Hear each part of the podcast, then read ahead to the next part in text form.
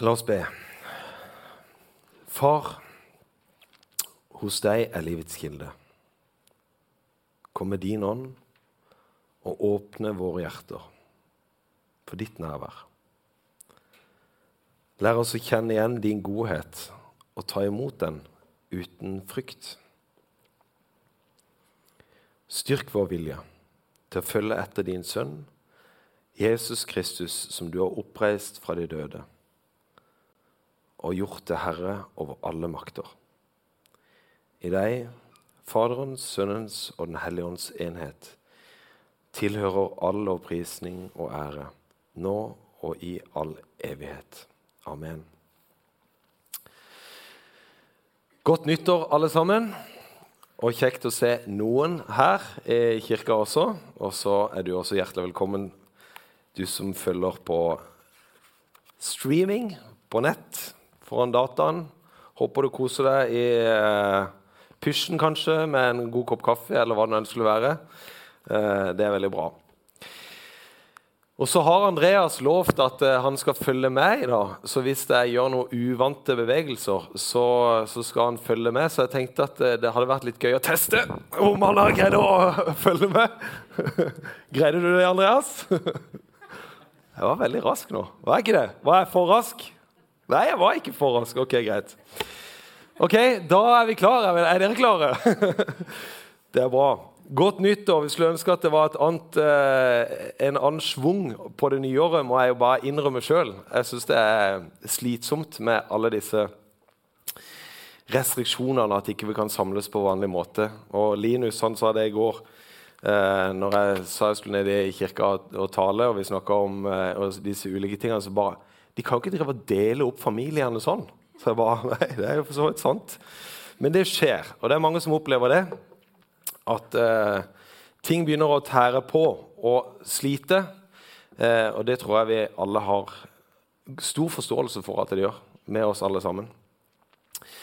Derfor er jo sånne punkt som dette kanskje ekstra viktige. At vi får eh, sitte ned og få ta imot det Gud har for oss. Eh, er ufattelig glad i denne kirka. Og jeg er så stolt over å få lov til å være en del av et fellesskap som virkelig jeg opplever bryr seg, og som vil følge Jesus, som ber og handler på en måte som eh, om, med et ønske om å berøre andre mennesker med Guds kjærlighet. Det er jo derfor vi er søsken. Fordi at Jesus har berørt oss. Og det er derfor vi gjør en tjeneste i kirka. Det er for å berøre andre mennesker med akkurat den kjærligheten som vi har erfart. Og så er det sånn at et sånt fellesskap det gjør seg ikke helt automatisk og av seg sjøl. Vi må snakke om det som er viktig for oss. Og vi må løfte det for å få perspektiv. Og vi må oppmuntre hverandre til gode praksiser. Og de neste tre søndagene så er det ønsket om at vi skal gjøre det. Vi skal snakke om hva vi som kirke drømmer om å være for oss som søsken, og hva vi drømmer om at Gud skal gjøre gjennom oss. Og Drømmen det er jo at eh, når du har gått her i eh, noen år, eller en måned, aller helst det, da, så erfarer du et fellesskap som er opptatt av tre ting i alle fall. Og er, Hvis en reflekterer tilbake på det og erfaringene, så ønsker vi at det, vi som er her, erfarer at det, dette er et fellesskap som er opptatt av å elske Gud, elske hverandre og bevege verden rundt oss. Bevege samfunnet rundt oss. Og Det er jo det vi ønsker å være. Rette blikket oppover, rette blikket rundt oss i fellesskapet og rette blikket utover for oss å se hvilken kjærlighet ønsker du å berøre med de neste. Og Så har jeg fått gleden av å starte med å snakke om å elske Gud. Og eh, Stian sa det også, nå repeterer jeg hvis dere ikke fikk det med der. Monica Røsnøy skal snakke om å elske hverandre, og Øyvind Augland skal søndagen etter der igjen avslutte med 'Bevege verden'. Så dette blir spennende eh, gudstjenester og jeg håper du kobler på eh, og kjenner at dette det vi snakker om her, det er også noe som erfares eh, som en del av det fellesskapet du er en del av.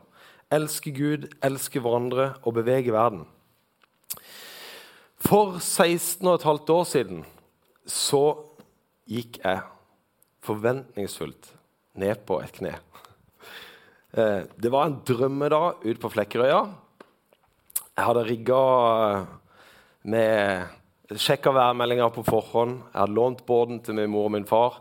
Vi var ytterst på, på Flekkerøya. Jeg har glemt hva det heter, det fyret der, men det er iallfall et fyr der ute. Så det var liksom på vestsida også, ute på Flekkerøya. Og eh, jeg hadde med meg en liten sånn en klump i lomma. Eh, og tok med meg Karianne ut utover eh, gården der akkurat når solgangen holdt på å gå ned. Og himmelen ble bare farva rosa. Det var helt magisk, vakkert. Og så gikk jeg jo ned på kne, da. Forventningsfullt. Og jeg hadde egentlig bare ett ønske. Ett ønske om å få gjensvar på et ganske enkelt spørsmål. Elsker du meg? Har du lyst til å elske meg resten av livet mitt? Det er et kort spørsmål, men det er også ufattelig stort. Heldigvis så sa hun jo ja, da. så hun sa at hun elska meg. Og 16 15 år seinere kan jeg konstatere at jeg fortsatt elsker Karianne. Men at det å elske ikke alltid er så lett. Det er ikke alltid de der rosa skyene i bakgrunnen og varme sommerdager som smiler varmt mot kinnet. Elsk meg. Det er vanskelig. I alle fall om det kommer som en kommando. Hvis det sier eh, som sånn 'Elsk meg', eh, da må iallfall jeg vite hvem jeg skal elske, og hvorfor jeg skal elske. Jeg kan ikke bare elske uten kjennskap eller vite hvorfor jeg skal elske noen. Jeg klarer ikke å elske på kommando, og jeg lurer på om du klarer å elske på kommando. Eh, jeg tror at mange som hører når vi sier at vi skal elske Gud, så kan en høre 'elske Gud' som en sånn kommando. Elsk Gud. Elsk Han. Eller når Jesus sier 'du skal elske Herren din Gud' av hele din sjel, av all din makt og av all din forstand', så blir en nesten svett. For en tenker 'kan jeg elske på kommando'? Kan jeg elske bare uten å vite? Eller det er lett å elske Gud når en får til ting. Når en mestrer livet. da. Når en syns at ting går lett. Når du kjenner i deg sjøl at eh, 'nå går det fint å være kristen, gitt'. Nå flyter det. Nå er hjemmebanen er bra, på jobben er bra, overalt er bra. Jeg har ikke de store issuene. Ja, jeg elsker Gud, det. Det er lett for alle andre å se. Men når ting begynner å bytte, da, når du surrer deg inn i mørke tanker, eller de der syndene som bare gjentar seg, som du så gjerne skulle fått brutt for så mange år siden når livet bytter, det elsker Gud på kommando da, kan kanskje være vanskeligere. Så om du hører det som en kommando, elsk Gud, så har jeg lyst at du skal høre igjen. For det er ikke det vi mener. Det er ikke det jeg mener, at 'elsk meg' skal være en kommando, for det har det aldri vært. Og enda mindre Gud. Han krever ikke kjærlighet. Det fins ett punkt, eller tre punkt, i livet mitt som det nesten er ubegrensa med kjærlighet. Og jeg sier nesten fordi det er også sant. da. Men, men på tross av liksom utførsel, utseende, kjemi og vanskelige samtaler Det er jo for meg da, mot mine barn. Og Jeg husker første gang jeg holdt eh, Rasmus i armene på på Ullevål eh, sykehus, så, så det, det var en spesiell opplevelse. Åtte du eh, eh, Det var en litt sånn dramatisk eh, fødsel. eller han, måtte, han, kom ut litt fort og måtte, ble tatt ut for å sjekke at alt var OK. Og så eh, kom han tilbake igjen, og så måtte Karianne få litt tilsyn. Og så, så sto jeg der alene med, med Rasmus, og jeg husker at det, noe av det første jeg gjorde, var å å be til Gud. og si far, jeg takker deg for eh, Jeg kjenner han jo ikke. Eh, og så ba jeg velsignelsen over han. Og så tenkte jeg, jeg kjente på de her følelsene over at eh, nesten sånn umiddelbart, en halvtime etter at jeg hadde blitt kjent med det, dette lille eh, skapningen i mine hender, så kunne jeg gitt livet mitt for han. Hvis det hadde kommet noen inn den døra der, og som hadde prøvd å, som hadde trua han, så var jeg klar for å gå i, imellom. Og jeg tenker at det er litt Jeg ønsker at du skal se det på samme måte med din far i himmelen. At han nesten har sånn han har ubegrensa Han har ikke nesten, men han har ubegrensa kjærlighet mot, mot det. Mot det. Eh, og han ønsker virkelig å gi deg alt det det er. Og det er det elsker Gud handler først og fremst om. Kjærlighet, det er en Det vet vi, det er en relasjon. Det er et vennskap, og det er gode samtaler. Og Derfor hadde jeg lyst til at eh, det var det første som skulle synke inn når vi snakker om å elske Gud. Det er det at du først og fremst er elska. At det er, det er han som ser det. Hør på disse tingene. Du er jo Guds barn. Du er hans øyensten. Du er hans dyrebare. Du er hans kjærligste. Du er elska uten at det er på kommando. Du er elska før du har prestert. Du er elska fordi du er. Du er elska selv om du ikke elsker. Og du er elska så høyt at han har gitt sitt liv for deg. Jeg har lyst til at vi skulle bare la det synke inn litt mens vi ser en film med en sang. Og så håper jeg det også blir OK for dere som er hjemme.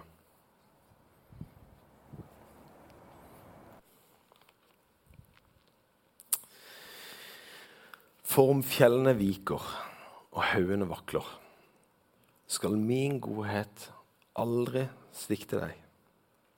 Min fredspakt skal aldri vakle, sier Herren, Han som viser deg barmhjertighet.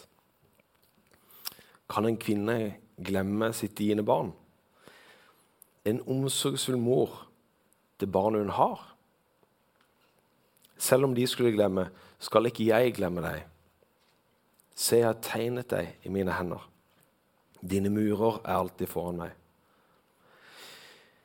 Jeg har gjort ditt navn kjent for dem og skal fortsatt gjøre det, for at den kjærlighet du har til meg, kan være i dem, og jeg selv kan være i dem. Kjærlighetens opphav, det er hos Gud. Han elsker deg uten kommando. Så hvorfor skal du elske Gud? Du skal først og fremst elske Gud for din egen skyld. For Gud han er den mest trygge og kjærligste og trofaste relasjonen du kan eie. Det er mer verdt enn alt du kan kjøpe og alt du kan eie i denne verden. Og Jesus forteller om en, en lignelse om en som oppdaga himmelriket som en sånn perle. Han gikk bort og solgte alt han eide, bare for å få tak i denne perla. Og flere opp igjennom, både salmisten og flere andre har erfart den setninga om at bare hos deg, Gud, har min sjel sin ro. Og jeg tror det. Jeg tror det dypest sett, midt i det som vi skulle ønske var annerledes i denne verden rundt oss, så er det bare ett punkt. Sjelen din virkelig kan få ro. Og det er hos Han som har skapt deg. Det er hos Gud. Så du skal elske Gud fordi at det er der kjærlighetens opphav er å finne. Det er bare der en kan løfte opp blikket sitt og møte blikket til å se en som kan gi deg full tilgivelse. Og du kan motta fra han og inn i hans hender, inn i ditt liv. Å elske Gud, det er å leve meningsfullt. Det er tross alt han som har skapt det. Det er han som forstår det, og han som vil deg det aller, aller beste. Og det er han som vil lede. Det er han som vil gi. Og det er han som forstår alle tingene. Han kjenner, han så at han har telt hvert eneste hår på hodet ditt. Og For noen av dere så er det mye enklere tellejobb enn andre, men uh, i alle fall så, har, så, kan han det. Han kjenner det. Det dypeste og mørkeste, det vakre og det fine. Han kjenner hele det. Så å, å elske Gud, det er å leve meningsfullt. Det er bare der en kan få ro. Å elske Gud Hvorfor skal du elske Gud? Du skal elske Gud fordi det, det, er bare der du kan forstå hvem du er. Det er bare der du kan vite hvem du er. Det finnes ingen andre guruer eller self-made man som kan eh, eh, hjelpe deg med å finne ut hvem du er, bortsett fra Gud. Det er han som har skapt det. Det er han som har gitt deg alle talentene. Han som har gitt deg alle styrkene.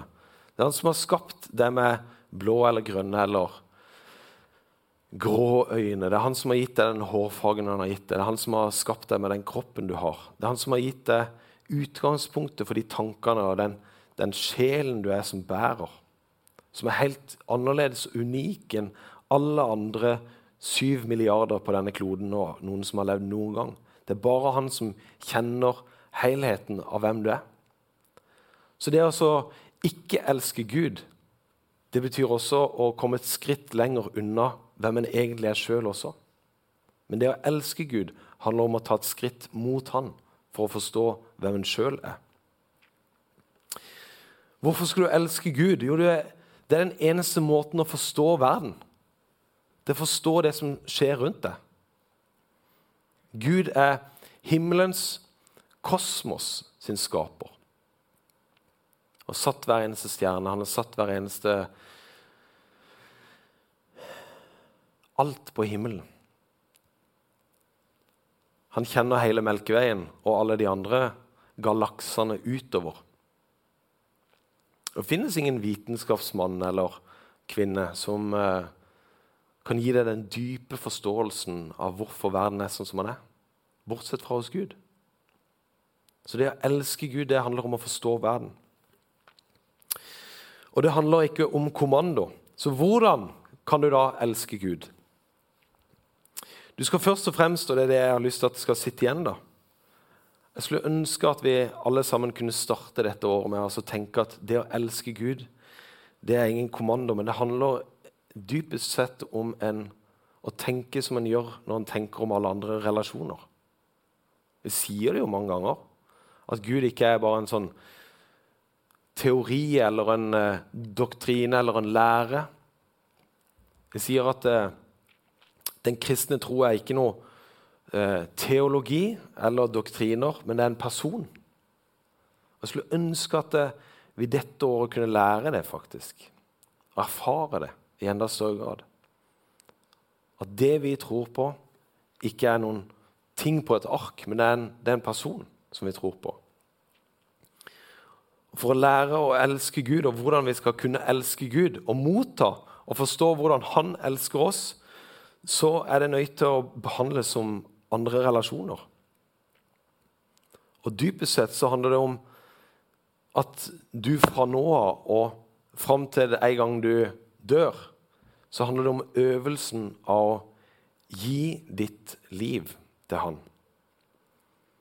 Gi hver eneste smitt og smule av hva du er, og over i hans hender. Og så er det jo lett å tenke at dette her er et nytt påbud eller en ny kommando. Nei, det er jo ikke det. Det er en invitasjon til en relasjon. En invitasjon til å kjenne Han som bare kjenner deg fullt ut. Og Hvordan kan du gjøre det? Du kan gjøre det på veldig mange måter. og Nå kommer jeg til å si noe som mange av dere vet allerede.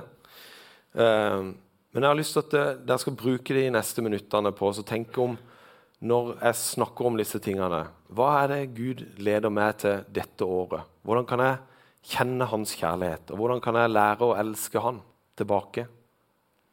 Hvordan, hvordan kan jeg gjøre det nå, dette året? Er det gjennom bønnen? Er det et nytt steg du skal ta dette året? Gjennom bønnen. Og kanskje gjennom den stille bønnen. Den bønnen som ikke sier noe. Den bønnen hvor du bare er. Det går an å be sånn. Det går an å be bare med å sette deg ned, eh, tenne et lys, eller sitte på et sted ute i naturen og bare være stille. Og ikke være redd hvis ikke du hører noe. Bare la stillheten være der. Kjenn at du kan synke ned i å, å prøve å forstå hvem Gud er, og være sammen med han. Mor Teresa gjorde det eh, flere ganger. Og, og hun, eh, var sammen, og så hadde hver morgen så sammen med Gud en time eller to timer. jeg husker ikke, og så liksom, ble hun spurt ja, hva sier han da. Nei, han sier ikke noe. Men bare det å være der. Er det ikke sånn med andre, de, de, tryggeste relasjonene jeg har i mitt liv? De aller aller tryggeste relasjonene de er de som ikke trenger ord men som trenger tilstedeværelse. Og som trenger oppmerksomhet på en annen måte. Og kanskje det er sånn. Du skal lære å elske Gud gjennom stillheten. Eller det kan være å få tak i ei bok dette året som hjelper deg til å be faste bønner. Jeg har en eh, kampsak mot eh, den tradisjonen vi er vokst opp i, som bare har stort sett lært oss til frie bønner. Og Jeg syns det er så ufritt med frie bønner. Jeg syns det er så mye egoistisk, selvsentrerte bønner i de frie bønnene at jeg begynner å bli helt trøtt av det. Når du setter deg ned og når du ber, så ender du opp med å be for uh, deg og ditt. egentlig. Istedenfor at du får noen bønner som hjelper deg til å løfte blikket utover, som løfter blikket oppover, og som løfter blikket til noe helt annet. Jeg har en, eh, en sånn type fastbønn i, i Bibelen. Som, og nå eh, tar jeg ikke alltid den når jeg ber før, men her skal du få en. da. Nytt blikk. Jeg tar av meg skoene, mine ambisjoner, og løsner klokken, min tidsplan. Jeg folder sammen brillene, mine synspunkter, legger fra meg pennen, mitt arbeid, og legger bort nøklene min sikkerhet for å være alene med deg. Du er eneste sanne Gud. Og så Når du har vært sammen med Gud, så kan du etter hvert si etter å ha vært hos deg, tar jeg på meg skoene for å gå dine veier. Spenner jeg fast klokken for å leve i din tid. Setter på meg brillene for å se din verden. Tar pennen for å skrive ned dine tanker. Og plukker opp nøklene for å åpne dine dører. Og den bønnen der, den, den flyter ikke naturlig fra min munn. Jeg liker at noen har tenkt. Jeg liker at noen har forberedt noe, og som kan dra deg inn i noe annet. Så kanskje det kan være sånn at du skal øve på bønn dette året for å elske Gud. Eller kanskje det skal være at du denne, dette året her eh, erfarer mer av Den hellige ånd inn i livet ditt. Det kan være å sette på noen lovsang. Det kan være å, å, å lese eh, bibelvers om Den hellige ånd. Eller det kan være å snakke med noen som har dyp erfaring om hvem Den hellige ånd er. Det kan være å være i den stillheten og si eh, Bibelen snakker om at vi skal la oss fylle av Ånden hver eneste dag. Kanskje det kan være noen nye, nye terreng du kan inn, inn, inn i i år, som handler om nye erfaringer av hvem Den hellige ånd er, og hvordan den virker inn i ditt liv? Eller handler det om at du eh, skal faktisk eh, få et annet forhold til Bibelen dette året? Når du nå vet at ikke det, du trenger ikke å gjøre det på kommando, men du kan gjøre det fordi det er, det, det er bare der finner, din sjel finner ro. Lese Guds ord, forstå Guds ord. Det kan være å lese mye, det kan være å lese lite, det kan være å lese kort, det kan være å lese langsomt. Hvordan det kan prege deg. Eller skal det være dette året her, det å elske Gud? Hvordan kan det se ut? Kan det være ei bok som jeg, jeg trenger å, å, lese og forstå mer? Ja, dype erfaringer og forstå hvordan Gud elsker meg gjennom litteratur. gjennom gode kristne bøker som har lært meg å se annerledes på meg sjøl og på verden og på hvem Gud er? Eller skal du dette året, fordi du har aldri gjort det før, har du aldri gått til eh, god sjelesorg? Vært i, i noen faste samtaler med noen dette året? Som har gått et stykke med Gud, og som vet hvor territoriet er, eh, og hvordan de kan lede deg og din sjel i nærmere relasjon til hvem Jesus er. Det å erfare Gud, erfare Hans kjærlighet gjennom sjelesorg. Gjennom å gå til noen som har gått noen skritt lenger, eller som ønsker å gå der sammen med deg. Eller handler det om dette året at du skal gi av deg sjøl? Gi av deg sjøl. Edin Løvaas sier noe sånn som uh, dette. Disippelvisjonen. En disippel er en som forenes med Jesus og hans interesser i verden. Mange ganger så har det vært sånn i mitt liv i alle fall, at det er å gi at en forstår hvor, hvilken kjærlighet Gud har. Hvilken Gud, kjærlighet Gud har for andre mennesker rundt oss. Og Jeg tenkte bare på ett eksempel som var sånn Guds kjærlighet som er bare helt uforståelig. Vi var på teamtur for mange år siden til Moldova. Vi reiste her fra Hånes frikirke, og vi hadde oppgave om å bygge en lekeplass. Vi trodde jo at når vi kom der, at vi kom til sånn ferdigfabrikkert eh, lekeplassutstyr som vi bare skulle sette sammen. Eh, men der lå det 2-2 og 2-4 og 4-4 og jern og, og, alt sånn. Eh, og jeg tenkte heldigvis så, så er jo jeg snekker. Så vi fikk det til eh, bladet på den der rotterumpa røyk på siste, eh, siste sånn planke jeg skulle kutte. Og den der, eh, den der sava som, eh, som, vi fikk i erstatning, for jeg måtte gjennom bitte grann mer, den var jo enda dårligere enn den der lekesava til ungene mine. Så det, det var bare, Vi fikk opp den her. Og så hadde vi satt opp denne her lekeplassen i dette området. Og vi hadde en åpning av eh, hele lekeplassen. Et ganske mørkt sted. Hadde, det, var, det, var, ingenting der. Plutselig så var det fylt med farver, ballonger. Eh, masse latter og glede og barn som lo og koste seg. Og så kjente jeg, kjente på sånn dyp erfaring at hvis jeg bare hadde kommet her og bygd denne lekeplassen, og ikke kunne ta med meg Jesus inn i dette, så hadde dette opplevdes meningsløst. Men siden jeg kom der, og fordi at en erfarte at det er du, Gud, som vil gjøre noe her, så opplevdes det ekstremt meningsfullt. Og rett ved siden av denne lekeplassen her så var vi på hjemmebesøk hos ei. Så hadde hun ligget der i eh, Mulig at jeg bommer noe på årene, men hun hadde ligget titalls med år. Ei multihandikappa eh, jente som hadde blitt født pga. Altså det var noe av de de tingene de fikk Det var, var skjedd en skade i, i graviditeten pga. noen medisiner som hun hadde fått. Kunne ikke bevege seg, kunne ikke gjøre noen ting. Og hadde ligget der i alle disse årene.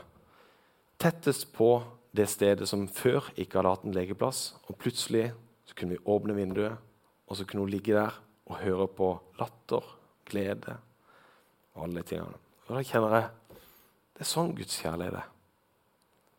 Kanskje det var mest for henne at vi kom der og skulle bygge denne. Ikke vet jeg. Eller så handler det om at du dette året skal bare forstå at det handler om å gi hele livet ditt. At det er Gud er en kunstner. Så når du gir alle livets farver til han, om du gir det røde som er det gode i livet ditt, eller den svarte frustrasjonen, eller det grønne som er vekst, eller gult for stillhet, eller rosa for kreativitet, eller blå for standhaftighet, eller hvit for renhet Når du gir han alle, alle aspektene av hvem du er, så klarer han å male noe. Han klarer å forme noe med alt det. Det handler ikke bare om å gi det røde, det er bare det gode, eller bare, bare det du er stolt av. Det handler også om å gi det som du ikke mestrer, og som du ikke kan. Det er sånn det blir en historie, og det er på den måten det handler om å elske Gud. Hvordan kan det se ut dette året for deg? Hvordan kan du la deg gripe av Han? Er du det? Eller ønsker du å la deg gripe av den brennende kjærligheten? Det eneste stedet som din sjel kan ha for dyp og fullstendig ro. Hvilke farver ønsker du å gi han dette året? Hvilke praksiser ønsker du å praktisere?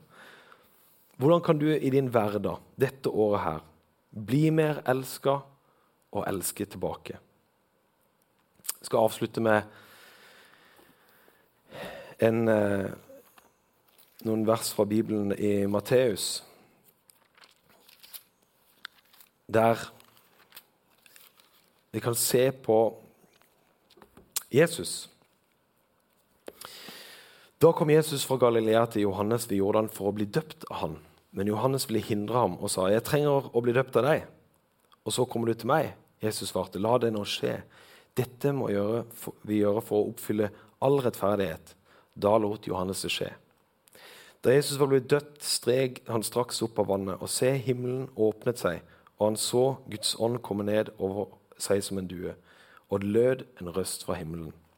Dette er min sønn, den elskede. I han har jeg min glede. Du er døpt til Kristus. Og så har jeg lyst til at du skal høre hans ord over ditt liv. Dette er min sønn. Da kan dere komme opp. Datter, som jeg har min glede i.